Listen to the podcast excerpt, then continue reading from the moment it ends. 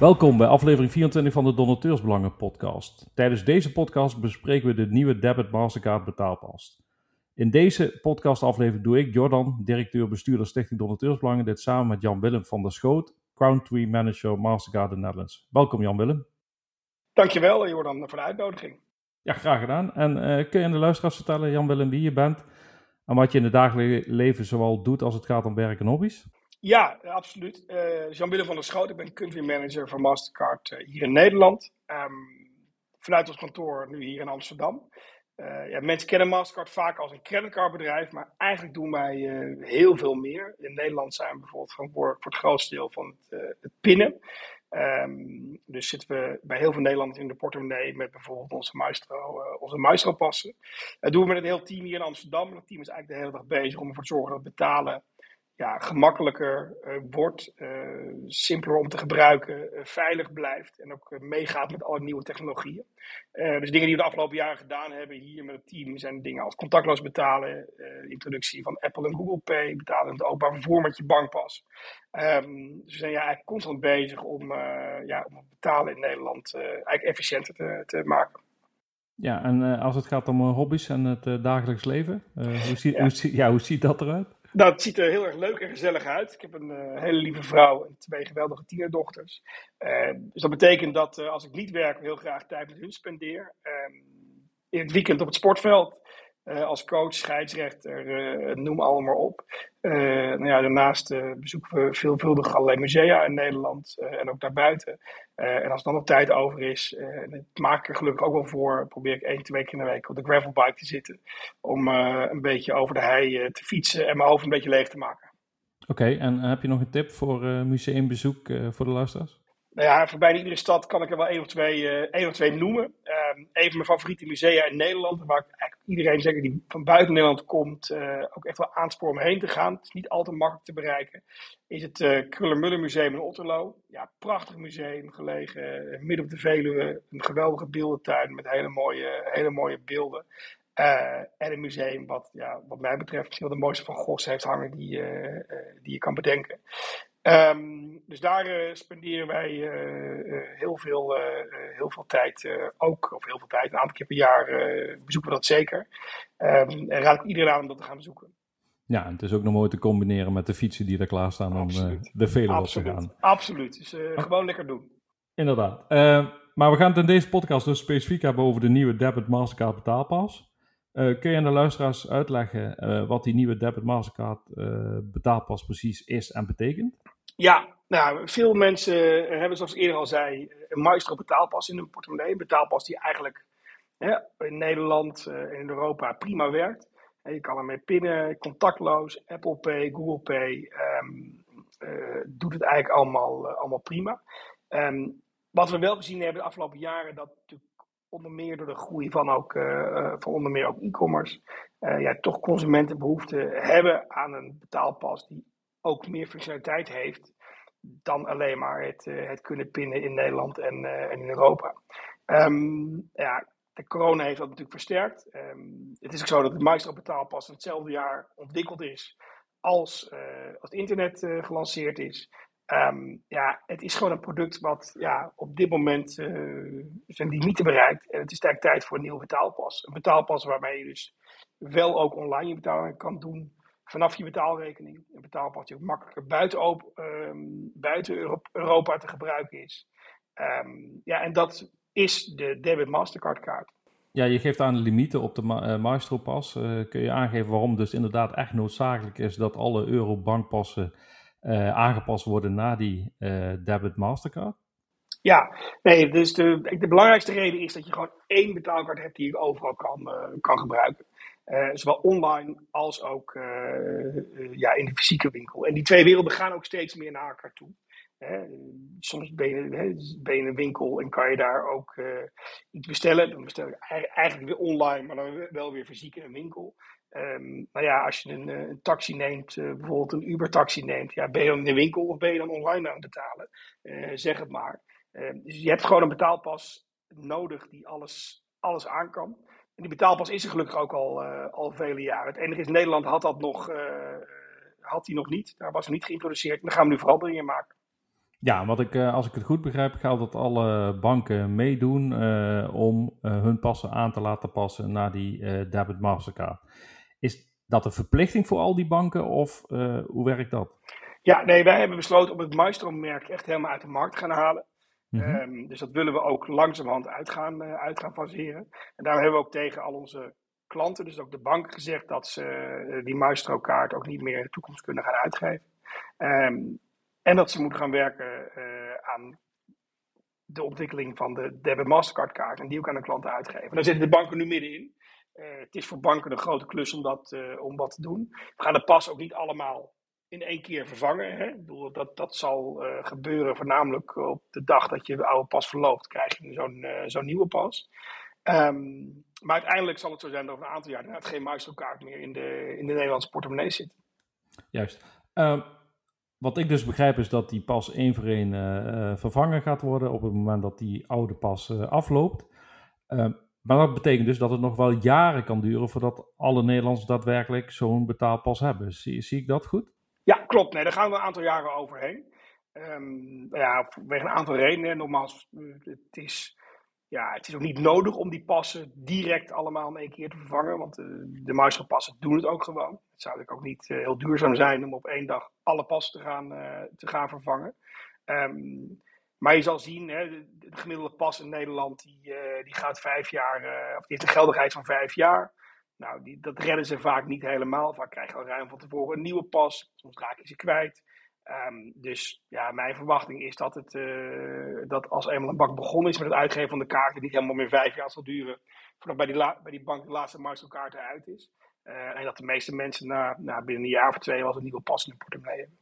Juist, het is natuurlijk interessant om daar te vertellen wat we allemaal met die pas kunnen. Uh, wat ik begrepen heb is nu dat de Knapbank een van de eerste banken is die dit ja, geregeld heeft. Ja, klopt. Nee, Knap is, uh, uh, heeft nu net aangekondigd dat ze helemaal klaar zijn.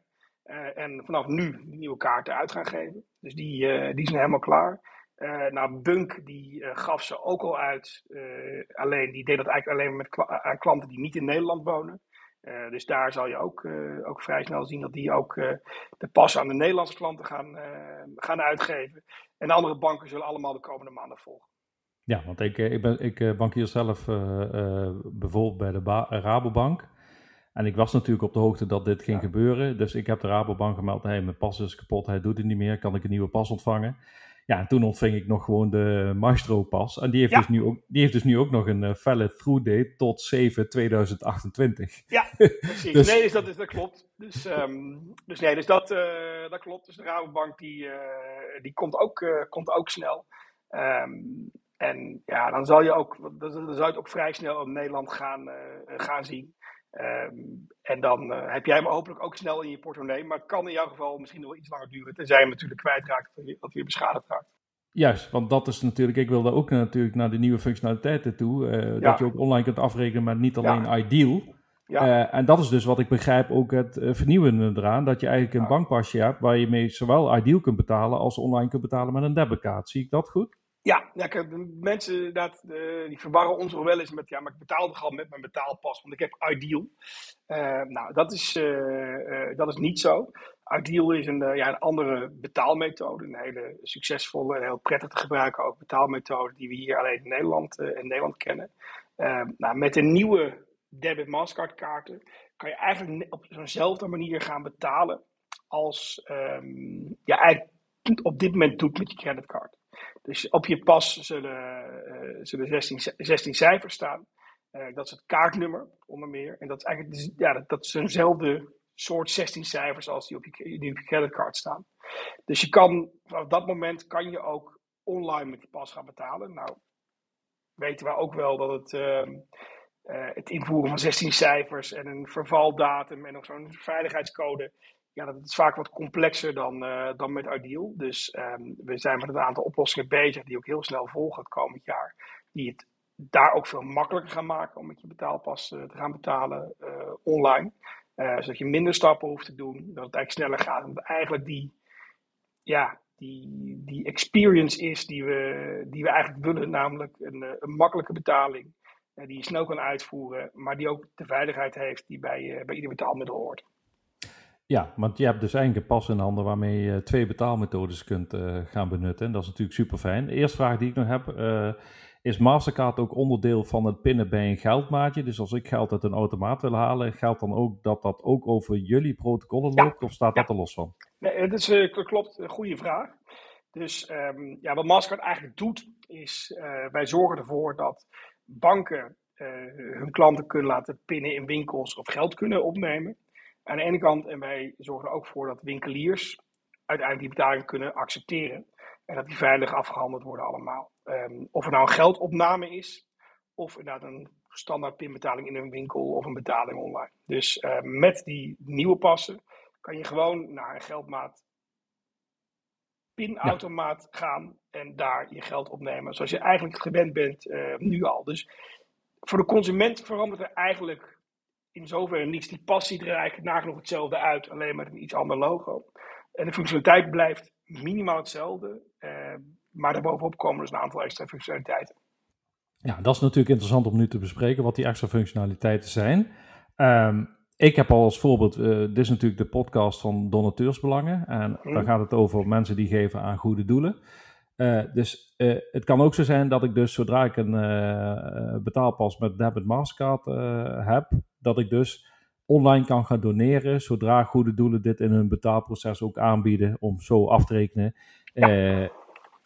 als variant op Ideal. Klopt, ja. Dus nu zie je dat ook best wel een aantal goede doelen. Tenminste, dat is mijn ervaring. Ik ben een beetje een betaalnerd. Dus ik kijk altijd precies als ik ergens betaal of als ik online uh, aan een doel iets geef, hoe kan ik er betalen? En eigenlijk veel goede doelen bieden ook al de optie betalen, doneer met je creditcard aan. Mm-hmm. Nou, feitelijk uh, zal je gaan zien dat er straks niet meer gaat staan doneer met je creditcard, maar uh, doneer met je kaart bijvoorbeeld. Want dat maakt niet uit of een creditcard is of een pinpas. Um, je kan daar dus je kaartgegevens invullen. Als we nog de traditionele manier van betalen eventjes uh, even nemen. En op die manier afrekenen. Nou, we zijn natuurlijk ook bezig met een aantal andere oplossingen die het eigenlijk nog makkelijker maken om voor een winkelier die betaling te ontvangen en voor een consument om die betaling te doen. Nou, de eerste is eigenlijk ja, de, de, de mensen die, uh, die Uber gebruiken of Spotify of Netflix. Heel veel van die mensen hebben aan dat account hun creditcard nu gekoppeld. Mm -hmm. um, en dat betekent dat, nou, in het geval van Netflix of, um, of uh, Spotify, het maandbedrag op die manier automatisch geïncasseerd wordt. Dus eigenlijk via, via je creditcard, die uh, gegevens die men heeft. Ja. Um, bij Uber is het zo dat als ik een taxirit gemaakt heb, die kosten er uh, op die manier van afgaan. Nou ja, dat, dat zijn ook mogelijkheden die dus goede doelen op, dan gaan krijgen. Om dat dus te doen op basis van iemand zijn betaalpas, om het zo maar te zeggen. Dus ook uh, dus niet per se je creditcard, maar je betaalpas. En dat vinden de meeste Nederlanders, en ik zelf eigenlijk ook het fijnst.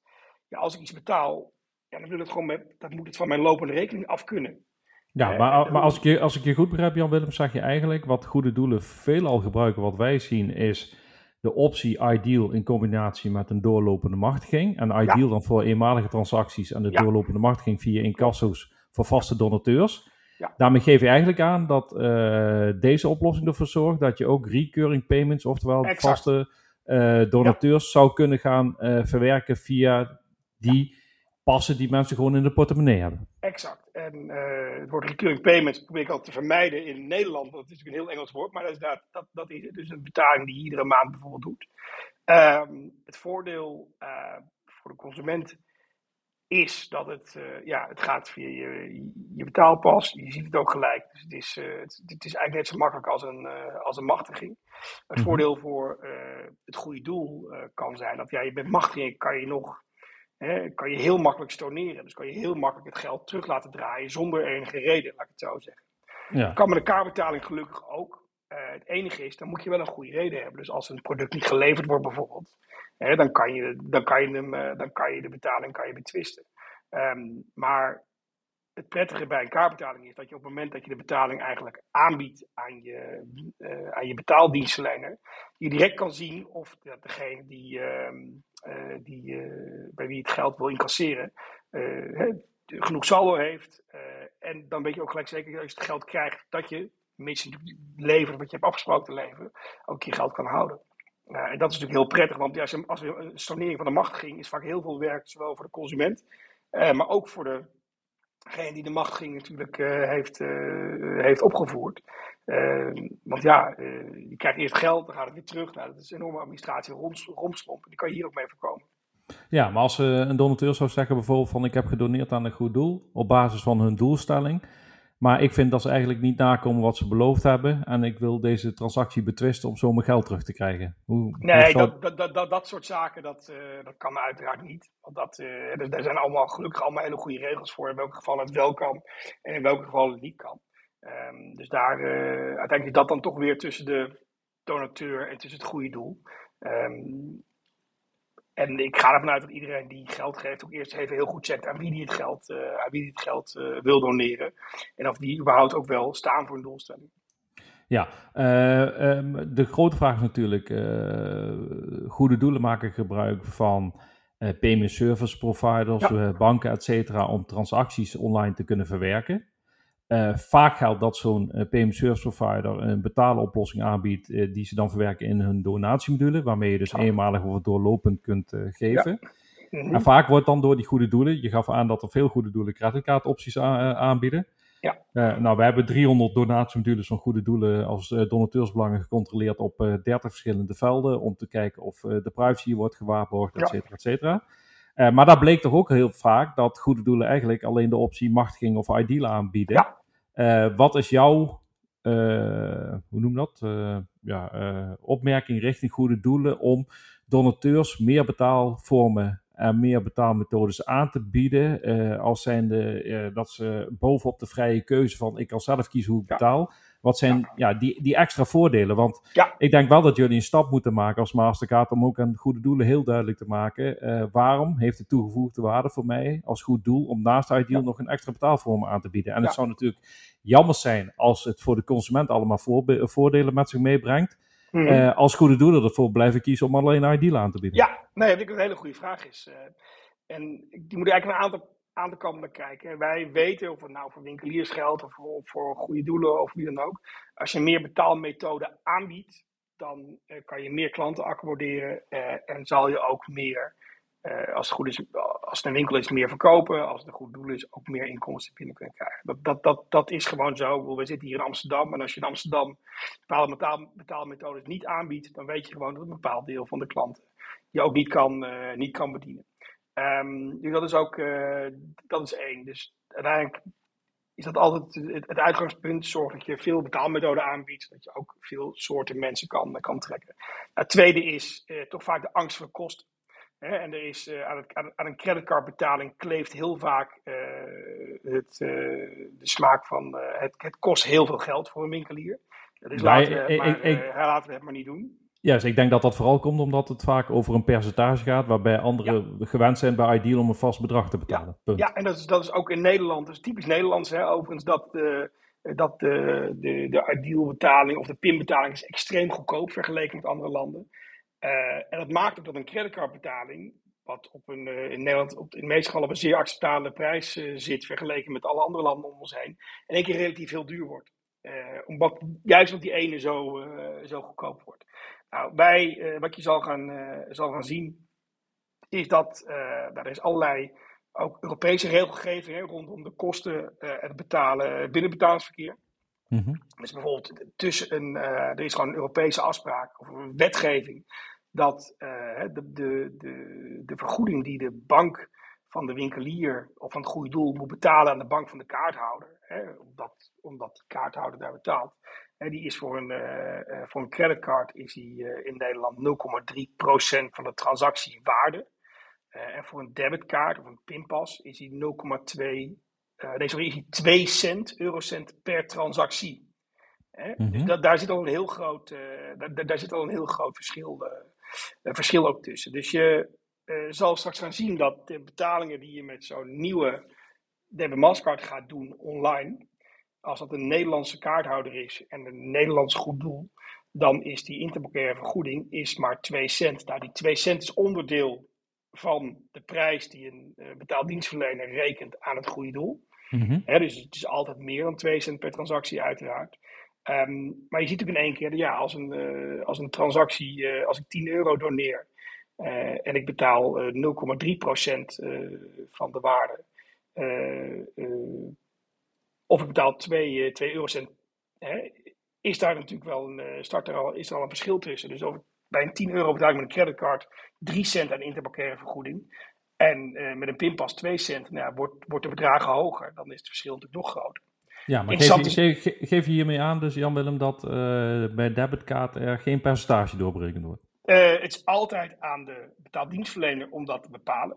Mm -hmm. het enige is dat, dat uiteindelijk hebben wij uh, een tarief, uiteindelijk is een interbankaire vergoeding die van de bank van de winkel, van de bank van de, het goede doel naar de bank van de kaarthouder gaat. Dat, dat is bij een pinpas een vast bedrag en bij een creditcard een percentage. Dus um, daarvan zal je zien dat daar een, uh, dat daar een um, uh, ja, ruimte, laat ik zo, ruimte zit om de kosten dus lager te houden. Juist, het is, het is aan, aan de integratiepartner, en de betalinstelling om te bepalen hoe ze hiermee omgaan. Exact, dat is één. Uh, en daarnaast uh, is het natuurlijk ook zo dat ik weet niet, dat weet je beter dan ik, wat, hè, wat, wat, wat jij zal weten wat het gemiddelde bedrag is wat mensen doneren. Je zal ook waarschijnlijk weten wat, wat de range is wat mensen het meest doneren. Wat je dus overigens wat interessant is om te zien dat um, uh, een creditcardbetaling natuurlijk vaak in Nederland een percentage is. Maar ja, het scheelt nogal of het een percentage is van 100 euro of een percentage van 5, uh, of iemand 5 euro doneert bijvoorbeeld. Ja, ja, ja hoe, eigenlijk geldt hoe, hoe hoger uh, het bedrag exact. dat je doneert, hoe, hoe lager de kosten ja. zijn. En ik weet dat uh, vanuit eenmalige donaties aan doorlopende machtigingen er natuurlijk ook verschil in zit. Vaak gaat dat bij een eenmalige donaties, moet je denken, tussen de 25 en 50 euro, afhankelijk van het goede doel of dat je via een donatieplatform doneert. Maar aan zo'n bedrag moet je ongeveer denken gemiddeld. En bij vaste donateurs, als je het, ja, dat ligt eraan de termijn, et cetera. Als je dus per jaar kijkt en iemand doneert 5 euro per maand, dan heb je het over 60 euro per jaar. En dan wordt het dus aangegeven als zijn een donateur van 60 euro per jaar. Ja, nee, precies. Dus, maar goed, dus daar, kan je, daar moet je ook naar, uh, naar kijken. Maar als je kijkt naar hè, de, de, de, hoe gaat die debit Mastercard kaart nu qua kosten voor een, uh, voor een goed doel zijn vergeleken met, een, met Ideal of vergeleken met een creditcard. Nou, de prijs daarvan bepalen wij niet. Hè. Dus wij, hebben, ja, weet je, wij rekenen onze partners een uh, bepaald bedrag en zij rekenen het door aan, aan, aan de goede doelen. Ik zeg altijd, wij zijn het, water in de cola. Laat ik het zo zeggen, Coca-Cola koopt allemaal ingrediënten en verkoopt aan de consument. Nou, wij zijn, dat, uh, wij zijn een, een klein deel uh, daarvan. Um, wij zijn natuurlijk wel zo bezig dat we natuurlijk ook met die partners werken. Om ervoor te zorgen dat uiteindelijk voor die debitcardbetaling die we online willen gaan, gaan laten doen.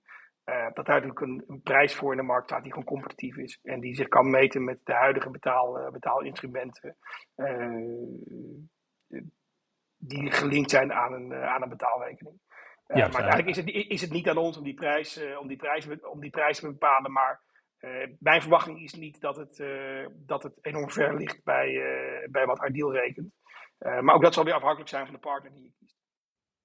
Ja, maar als we praktisch kijken, als je dan uh, Ideal vergelijkt met uh, Mastercard, uh, als je gaat afrekenen online, oftewel ik ga naar een website van een goed doel toe, ik kies voor de donatieknop doneren, ja. ik vul een eenmalige donatie in, ik laat even het doorlopende achterwege, dus ik kies ja. eenmalig om te doneren en ik kan kiezen tussen Ideal en mijn betaalpas Mastercard debitcard. Um, bij Ideal is het dus redelijk makkelijk om snel te, te betalen en je geeft al aan dat er uh, oplossingen komen, maar laten we even uitgaan van hoe het nu is. Ik moet 16 codes ingeven aan een CVC-code, et cetera, et cetera.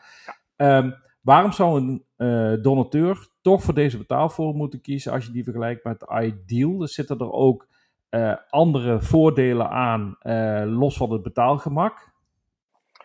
Nou, het betaalgemak is denk ik de, de allerbelangrijkste uiteindelijk. Dus um, ik ben het met je als je 16 cijfers in moet voeren en een, een CVC-code, een vervaldatum, is het, uh, is het gewoon uh, uh, is dat heel omslachtig.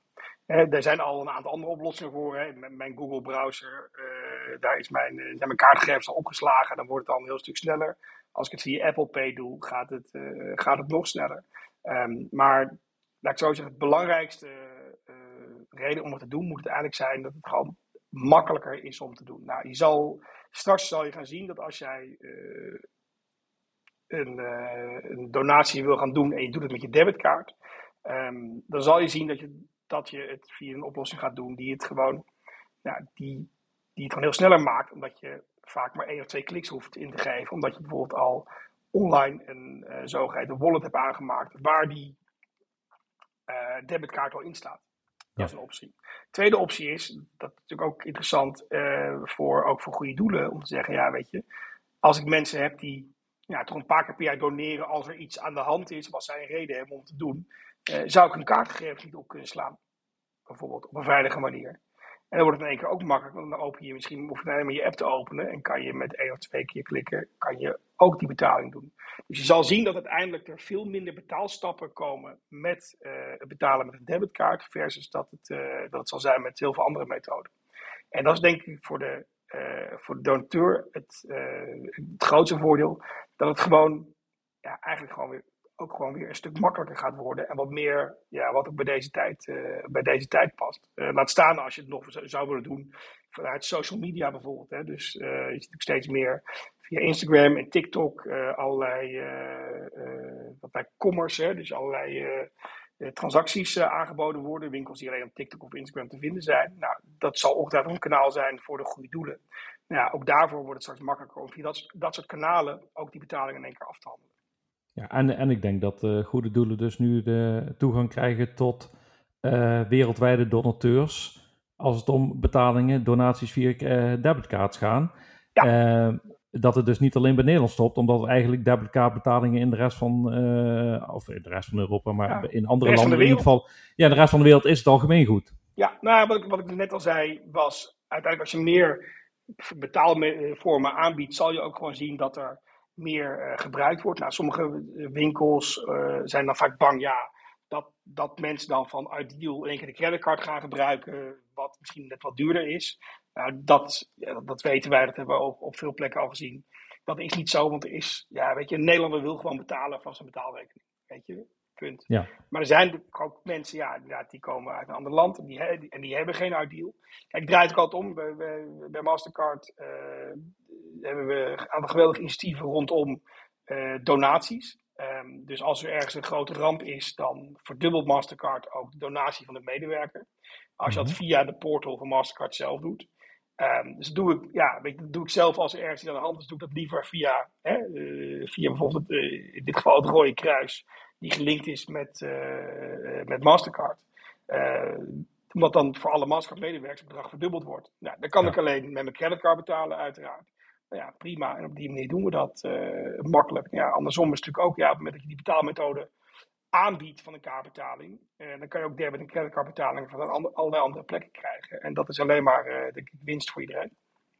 Ja, het is denk ik toch wel belangrijk om te melden naar goede doelen toe. Uh, eigenlijk iedereen die een debitkaart in de rest van de wereld heeft, kan ook opeens via die kaart doneren als hij geen, als hij geen creditkaart heeft. Ja, en een, exact. En een belangrijke vraag rondom creditcards versus debitcards. Uh, bij creditcards geldt vaak dat een aankoopbedrag verzekerd is, of dat er specifieke consumentenbescherming is, et cetera. hoe moet je dat vergelijken met die debitcard? Ja, op de creditcard zitten eigenlijk twee zekerheden, zoals we het noemen. Dus, dus, dat is de, wat we noemen de aflevergarantie. dus dat je ook zeker weet dat je je spullen krijgt en, je ook, en ook krijgt wat je besteld hebt. En tweede is de aankoopverzekering. Dat betekent, ja, als ik iets koop met mijn creditcard, dat heel veel van die producten zijn verzekerd. Soms 90, soms, soms 180 en soms 360 dagen. Een beetje afhankelijk van wat de, wat de bank aanbiedt. Um, op de debitcard zit in ieder geval de zogeheten aflevergarantie. Dat is iets wat, uh, ja, wat, wij standaard eigenlijk, uh, eigenlijk hebben. En dat betekent dus als je iets, ja, iets koopt ergens en het komt niet, om het zo te zeggen. Of het verkeerde komt, of de winkel gaat failliet voordat je het gekregen hebt, of, of voordat je ergens gebruik van hebt kunnen maken, bijvoorbeeld een vliegticket. ja, dan krijg je gewoon je geld ja, en dan is dat natuurlijk minder uh, ja. van toepassing in de goede doelenwereld en bij donaties. Ja, ja. Juist, maar inderdaad geldt dus dat je die uh, bescherming ook bij een debitkaart uh, geniet, zeg maar. Ja, en dat, dat, is, dat is natuurlijk wel een aanzienlijk verschil als, zijnde, als je dat vergelijkt met een ideal transactie. Ja, nee, klopt. De ideal transactie is iets anders ingericht dan, het wij, dan het wij zijn ingericht. Um, en dat, dat maakt, wij moeten het ook anders doen, want wij opereren wereldwijd. Maar dat is een van de zekerheden die we daar meegeven. Op die manier dagen wij ook eigenlijk al onze klanten uit, die winkeliers aansluiten, om ervoor te zorgen dat dus iedereen die ze aansluiten ook echt een partij is waar, waarvan ze op aan kunnen. Die ingeschreven bij de Kamer van Koophandel, die een historie heeft, die een bankrekening heeft, noem maar allemaal op. Um, en dat vinden we heel erg belangrijk. Nou, en een van de manieren om dat te doen is er gewoon voor te zorgen dat ja, als er iets niet aankomt, dan uh, dat we gewoon bij de bank van de winkelier kunnen aankloppen. Die, en die vervolgens bij de winkelier aanklopt. Om ervoor te zorgen dat het geregeld wordt. Ja, uh, we hebben net al kort gesproken over de introductie van al die passen, die dan via verschillende banken gaat uh, ja. verlopen. Nou, dat gaat de nodige tijd kosten. Nou, ik dacht even snel mijn uh, bankpas opnieuw aan te vragen bij de Rabobank ja. en meteen de Mastercard te krijgen, helaas. Ja. Dus persoonlijk ben ik heel nieuwsgierig naar wanneer kan het bij de Rabobank, omdat ik dat dan ook daadwerkelijk online kan gaan benutten. En ik ben echt altijd iemand die voorop loopt en meteen wil thuis toe in een ander werk. Dus dat is goed om te weten wanneer dat gebeurt. Maar waarom duurt het eigenlijk zo lang? Zou je bijna kunnen zeggen dat banken liever hun eigen betaalvorm ideal beschermen? Nee, dat, dat, uh, dat wil ik zeker niet zeggen. Uiteindelijk hebben de Nederlandse banken ook aangekondigd dat ze Ideal gaan verkopen uit, aan een Europees initiatief. Um, dus nee, ik heb absoluut niet het idee dat de banken ideal beschermen. Uh, ik denk in tegendeel, ik zie hoe goed wij met ze samenwerken rondom ook dit soort nieuwe betaalmethoden. En dan zijn ze juist van mening van laten we zorgen dat we een aantal goede kunnen aanbieden. Dus we, we bieden ideal aan, en we, bieden het online betalen met een debitcard aan. En laat uiteindelijk de consument en de winkelier, of het goede doel in dit geval, maar, uh, maar bepalen wat ze graag willen gebruiken. Um, waarom het zo lang duurt, uh, is omdat betalen eigenlijk complexer is dan mensen gelukkig ook kunnen zien. Uh, er gebeurt achter de schermen echt heel veel, um, wat er ook voor zorgt dat je altijd overal kan betalen. Mensen vergeten het wel eens dat, ja, weet je, je, tik je pas even ergens tegenaan en het doet het. Weet je, binnen die, die seconde dat je weg kan lopen, is een heel proces achter de schermen gaande geweest die ervoor gezorgd heeft dat ook bij jouw bank gecheckt is of je genoeg saldo hebt bijvoorbeeld, of de kaart wel geldig is, et cetera, et cetera. Um, dus qua IT zit er heel veel uh, echt state-of-the-art technologie achter om ervoor te zorgen dat het goed gaat. Dat betekent ook als je iets gaat veranderen in het ja, dan moet je er wel echt wel zeker weten dat het van A tot Z, dat het, dat het technisch dat het werkt. Uh, dat het werkt in je, dat Apple Pay goed werkt, dat de passen uh, goed werken, dat de technologie het helemaal doet zoals je ook wil dat het doet. Um, nou, met, vaak met projecten is het zo dat mensen er heel ambitieus aan beginnen en denken, nou, dat, dat, dat gaan we echt binnen een bepaalde periode wel, uh, wel doen. Uh, maar vaak merk je ook dat als je eenmaal bezig bent, je toch tegen een aantal andere dingen aanloopt.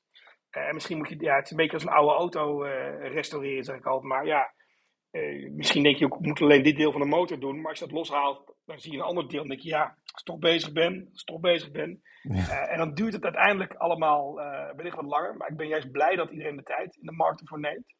Um, omdat je gewoon wil zorgen dat je als er is, dat het gewoon ook, uh, dat het ook gewoon uh, werkt. En de consument ook eigenlijk die, ja, die ervaring gaat krijgen die we ook met z'n allen voor ogen hebben. Ja, en betekent dit dat jij denkt dat deze introductie echt in Nederland een revolutie teweeg gaat brengen, of dat dat wel mee gaat zal vallen? Het is een evolutie, zou ik het willen noemen, geen revolutie. Want uiteindelijk, als je misschien nu een Nederlander vraagt van, joh, weet je, heb je er problemen mee? Zullen ze misschien zeggen, nou ja, het werkt toch allemaal. Um, maar uiteindelijk moet je, met alle producten moet je blijven doorontwikkelen en zorgen dat, dat die bij de tijd blijven. Um, en ik geef een heel simpel voorbeeld. Uh, betalen het openbaar vervoer. Nou, dat hebben we jaren met alleen maar de overchipkaart gedaan. Nou, daarvoor zelfs met de strippenkaart. Nou, met de strippenkaart hadden mensen weinig problemen mee. Maar die overchipkaart was wel verdomde handig uh, om uiteindelijk uh, te kunnen gebruiken. Um, en nu hebben we sinds begin dit jaar kunnen we overal in en uitchecken met je bankpas. Uh, en zien we in één keer, nou, in parool is het laatste artikel, uh, dat er allerlei nieuwe mensen komen die eigenlijk weinig van het OV gebruik maakten, omdat die die overchipkaart zo onhandig vonden. Maar nu die bankpas er is, ja, dan wordt het in één keer een stuk makkelijker om met het OV te reizen. Ja. Um, en dat zijn eigenlijk allemaal evoluties. Um, en ik wil hetzelfde met contactloos. Toen we contactloos introduceerden, ja, was, er waren ook weinig mensen die dachten, waar is dit nou voor nodig? Ja, nu in Nederland is, uh, is het uh, eh, 90% van alle, uh, van alle, alle, alle, alle pintransacties, die, ga, die gaan contactloos, als het, niet, als het niet al meer is. Hetzelfde met Apple en Google, Google Pay. Niemand had het echt nodig, maar nu wordt evenveel met Apple en Google Pay betaald in Nederland als het op cash betaald wordt. Ja, ja, ja. Ik, ik gebruik het zelf ook inderdaad. Ja. Terwijl ik zelf ook dacht van ik ga dit nooit gebruiken en uh, et cetera. Dus je gaat toch mee. Uh, maar misschien is dat wel een goede vraag. Ik wil nog twee dingen behandelen. Uh, de privacy en de, en de mogelijkheden. En ja. daar wil ik zelf dadelijk iets tegen je aanhouden. Want ja, er, is iets, er is iets gewijzigd in de goede doelensector als het gaat om aan de deur collecteren. Maar daar kom ik dadelijk op terug. Mm. en ik ben benieuwd hoe dit erin zou passen. Ja. Maar misschien kunnen we dit voorbeeld wel gebruiken. Er zijn goede doelen die overgegaan zijn van cashdonaties ontvangen aan de deur naar cashless. Oftewel, ja. je mag alleen nog via een QR-code doneren. En dat is dan een ideal transactie. Nou, daar kom ik dadelijk even op terug. Maar dat betekent dus dat voorheen gooide je 2 euro in een, uh, in, bus, in, collecte, in de collectebus. En die was 100% anoniem, want niemand kon achterhalen waar, die, waar dat geld vandaan kwam. Hmm. nu doe je een donatie via een QR-code scannen, wat een ideal transactie is, waardoor eigenlijk al gegevens gedeeld worden met goede doelen. er wordt gezegd dat die gegevens niet gedeeld worden in de overeenkomst tussen de payment service provider en het goede doel, maar dan nog liggen die gegevens in ieder geval ergens vast bij een payment service provider. Dus die transacties zijn veel meer vastgelegd als zijnde van ik heb 5 euro op die en die datum met Ideal betaald, zelfs dat je online doneert. En voor zover bekend, als je online doneert via Ideal, wordt daarbij je IBAN-rekeningnummer en je naam minimaal gedeeld. Um, dus dat is iets minder anoniem. Mm -hmm. Als we naar de debitkaart kijken, geldt dat goede doelen die donaties ontvangen uh, tot meer, ja, meer gegevens tot hun beschikking krijgen over diegene die daadwerkelijk doneert? Um, nou, niet, niet, niet, niet van ons. Wat vaak mensen niet weten, wij weten als de bank jou een nieuwe pinpas stuurt of een nieuwe creditcard, weten wij dat niet. De bank meldt ons niet van, nou, we hebben nu naar Jordan uh, deze uh, creditcard gestuurd met dit, uh, met dit nummer. Um, dat werkt niet zo. Dus de bank heeft, krijgt van ons eigenlijk een serie creditcardnummers die ze uit kunnen, kunnen gaan geven. Of ze het doen en aan wie ze het doen, is helemaal aan ons. Dus door ons systeem, met, dat er een transactie gedaan wordt met een kaart voor ons, dan zien wij in ons systeem niet heel veel meer dan het kaartnummer. Uh, we zien de, de, de, de, naam van de, van de winkelier. Uh, en we zien het bedrag, datum en tijd. Dat, dat is mhm. ongeveer wat, wij, wat we zien. Op basis daarvan, op basis van het kaartnummer, sturen wij. Nou, weten wij bij welke bank het hoort. Op basis van de eerste zes cijfers van het kaartnummer weten wij. Ah, dat is Rabobank, waar we AMRO of ING of ICS. Wij sturen dan die gegevens naar die bank toe. En die bank geeft eigenlijk akkoord of de transactie wel of niet door mag gaan. Uh, en dat krijgen wij terug. En dat sturen wij vervolgens terug naar de, naar, naar, de winkelier. Dat gaat in die ene seconde dat je moet wachten tot die transactie akkoord gaat ongeveer. Mm -hmm. um, dus de gegevens die wij zien, uh, is niet meer dan die gegevens. Uh, dus de gegevens, wat ik al zeg, kaartnummer, bedrag, datum, tijd, et cetera, et cetera. Ja, um, er, gaan, er, gaan geen, er, gaan, geen, namen door ons systeem en dat soort zaken. ja, dat is belangrijk dus, om even... Zolang, even zolang de bank, ja. En daar ga ik eigenlijk niet vanuit, de bank dat niet deelt met rechtstreeks met dat soort partijen, ja, is er een kaartnummer, dat is altijd herleiden naar een bank. En de bank kan het altijd herleiden naar een persoon. dat sowieso, maar niet via ons. Nee, maar in het kader van fraudevoorkoming, uh, et cetera, weet ik dat als jij gebruik maakt van een collecterende payment service provider, die een betaaldienstverlener is voor jou als bijvoorbeeld een goed doel zijnde, en jij kunt in die backend inloggen van zo'n payment service provider, ja, dan zie je vaak bij creditcardtransacties het IP-adres van de donateur, uh, of in ieder geval het IP-adres waarvan afgedoneerd is. Uh, dat, dat, dat, kan, maar dat, is wat de, wat de payment service provider zelf opslaat. Uh, ja, maar zou dat kunnen betekenen dat in het... Nee, begrijp ik. Dat, dat, is, dat is heel goed om te weten. Maar dat betekent dus dat goede doelen die gebruik maken van een betaalinstelling, die deze betaalvorm aanbieden, Mm -hmm. die bepalen dus welke gegevens ze verwerken van persoonsgegevens en uiteindelijk ook wat ze wel of niet via hun backend doorsturen naar de merchant, en in dit geval dan goede doelen, die die mhm. transacties mm. kunnen inzien. Ja. ja. En de, dat zou dus wel kunnen betekenen dat hey, als ik uh, als donateur geld geef en ik, uh, in het formulier vul ik alleen mijn naam in en mm. ik mhm. geef een bedrag, dat achteraf door de transactie toch weer meer gegevens bekend zijn bij het goede doel.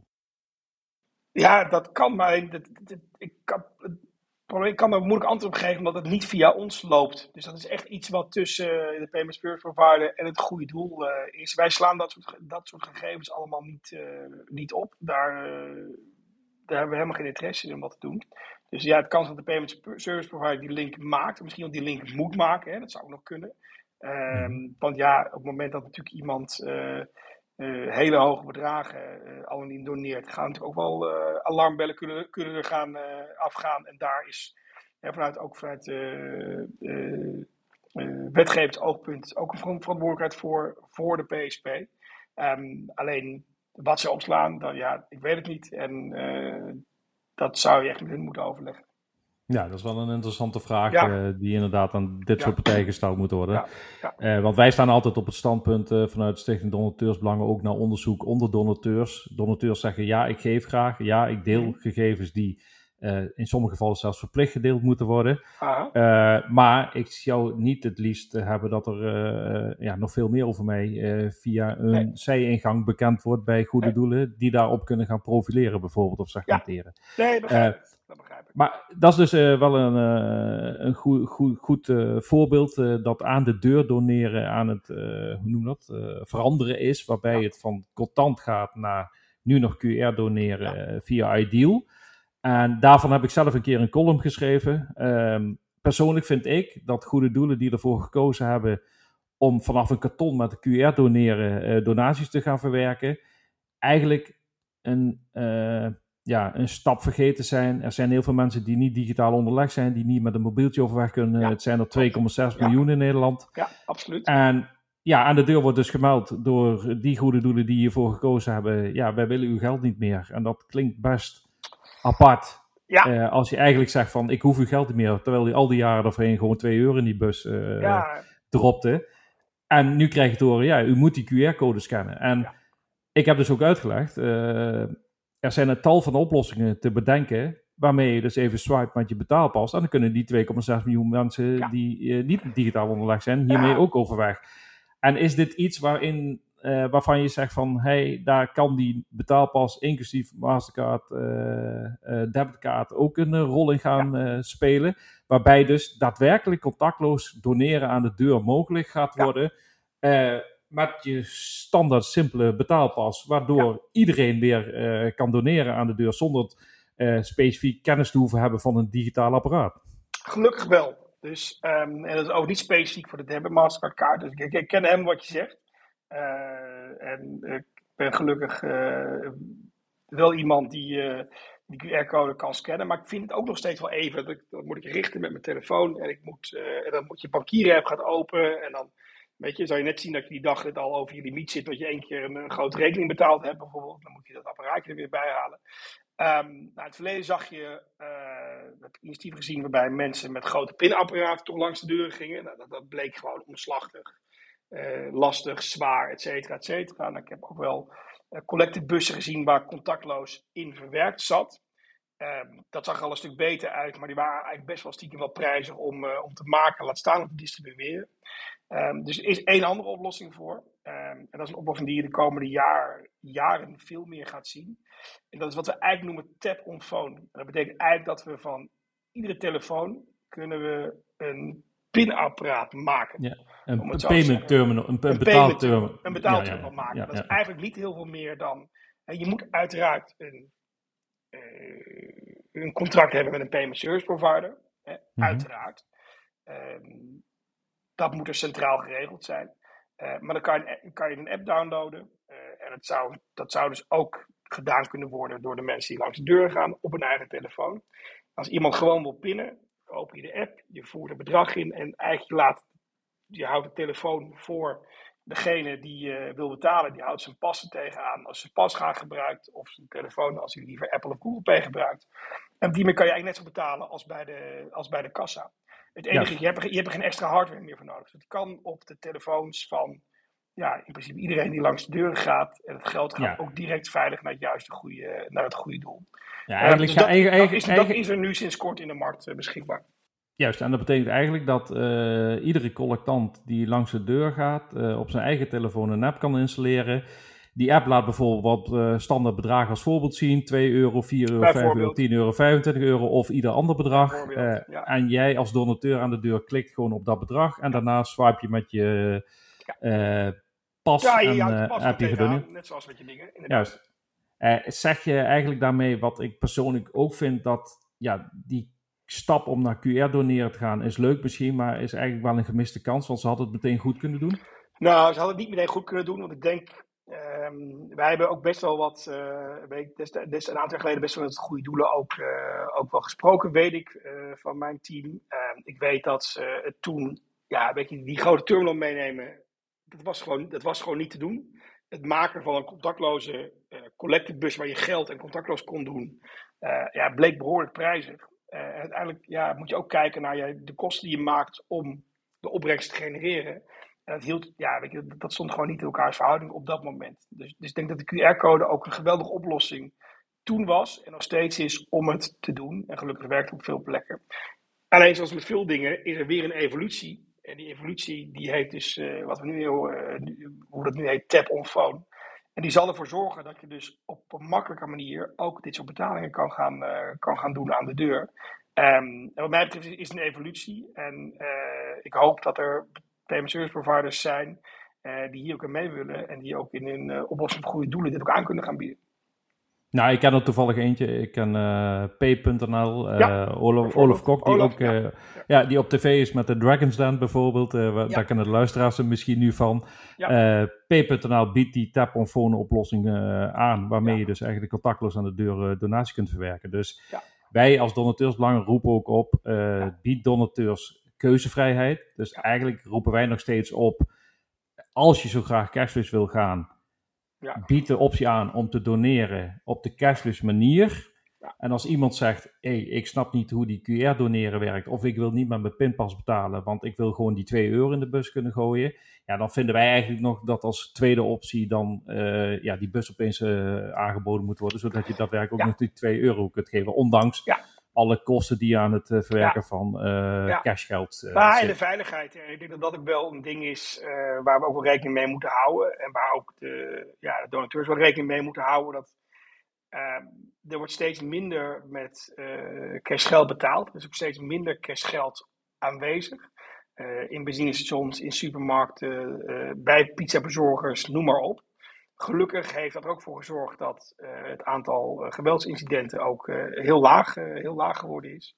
Um, ja, je moet alleen net wel oppassen dat als men weet dat er iemand met cash geld op zak loopt over straat, dat, dat die mensen zich wel veilig kunnen gaan voelen.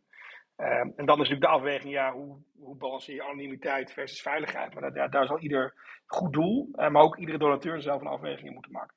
Ja, ja, wij uh, in ieder geval vanuit Donateursbelang hopen eigenlijk dat uh, goede doelen keuzevrijheid blijven bieden. Want dat ja. is toch eigenlijk wel het mooiste uh, als je als donateur zelf kunt kiezen hoe je je geld geeft. Dus hoe mooi zou het zijn als je in de toekomst zou kunnen zeggen, ik wil cash geven. Ja, die optie heb je. Ik ja. weet hoe die QR-doneren optie werkt vanaf een kartonnetje. Ja. Of ik wil gewoon swipen met mijn betaalpas. En dat alle drie de opties gewoon uh, aangeboden Het zou het meest ideaal zijn, maar ja, er zijn ook andere afwegingen te maken. Ik zou me ook kunnen voorstellen dat een bedrijf op geld maar bijvoorbeeld misschien wel interesse heeft om uh, anoniem te doneren toe te staan bij hun, uh, bij hun stortingspunten bijvoorbeeld. Maar dat soort dingen. Dus er zijn, daar is wel wat te winnen, voor, zeker voor die donateurs die het echt heel graag met cash willen doen.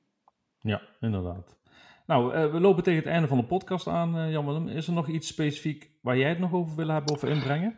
Nou ja, ik heb zoveel dingen waar ik over kan betalen, uh, kan praten als het betalen, dat je nog uren kan doorgaan.